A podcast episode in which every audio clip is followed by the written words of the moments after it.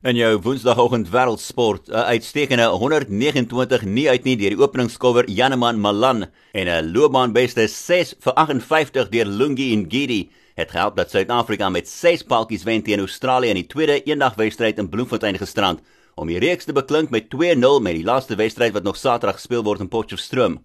Australië is uitgebal met die laaste bal van hulle beurt vir 271 en die gasheer was toe eh, vroeg in die moeilikheid geweest op 103 vir 3 maar hulle het herstel om hulle teiken te bereik van 274 vir 4 met 9 balle oor. By die dames 2020 Wêreldbeker in Australië is dit vandag veronderstel om die twee halfeindstryd kragmetings te wees. Dit is Engeland teen Indië en Suid-Afrika teen die gasheer Australië, maar dit reën op die oomblik in Sydney en die weer bedreig die twee halfeindstryd wedstryde. Vir 'n wedstryd om afgehandel te kan word, moet albei spanne minstens 10 balbeurte trotseer en daar's geen reservedag vir die semifinale nie. So indien die wedstryd uitgereën is, sal die span wat bo aan die groep geëindig het, deurdring na die eindstryd toe. En indien daar geen spel vandag moontlik is nie, is dit Indië en Suid-Afrika wat sal deurdring na die finaal toe.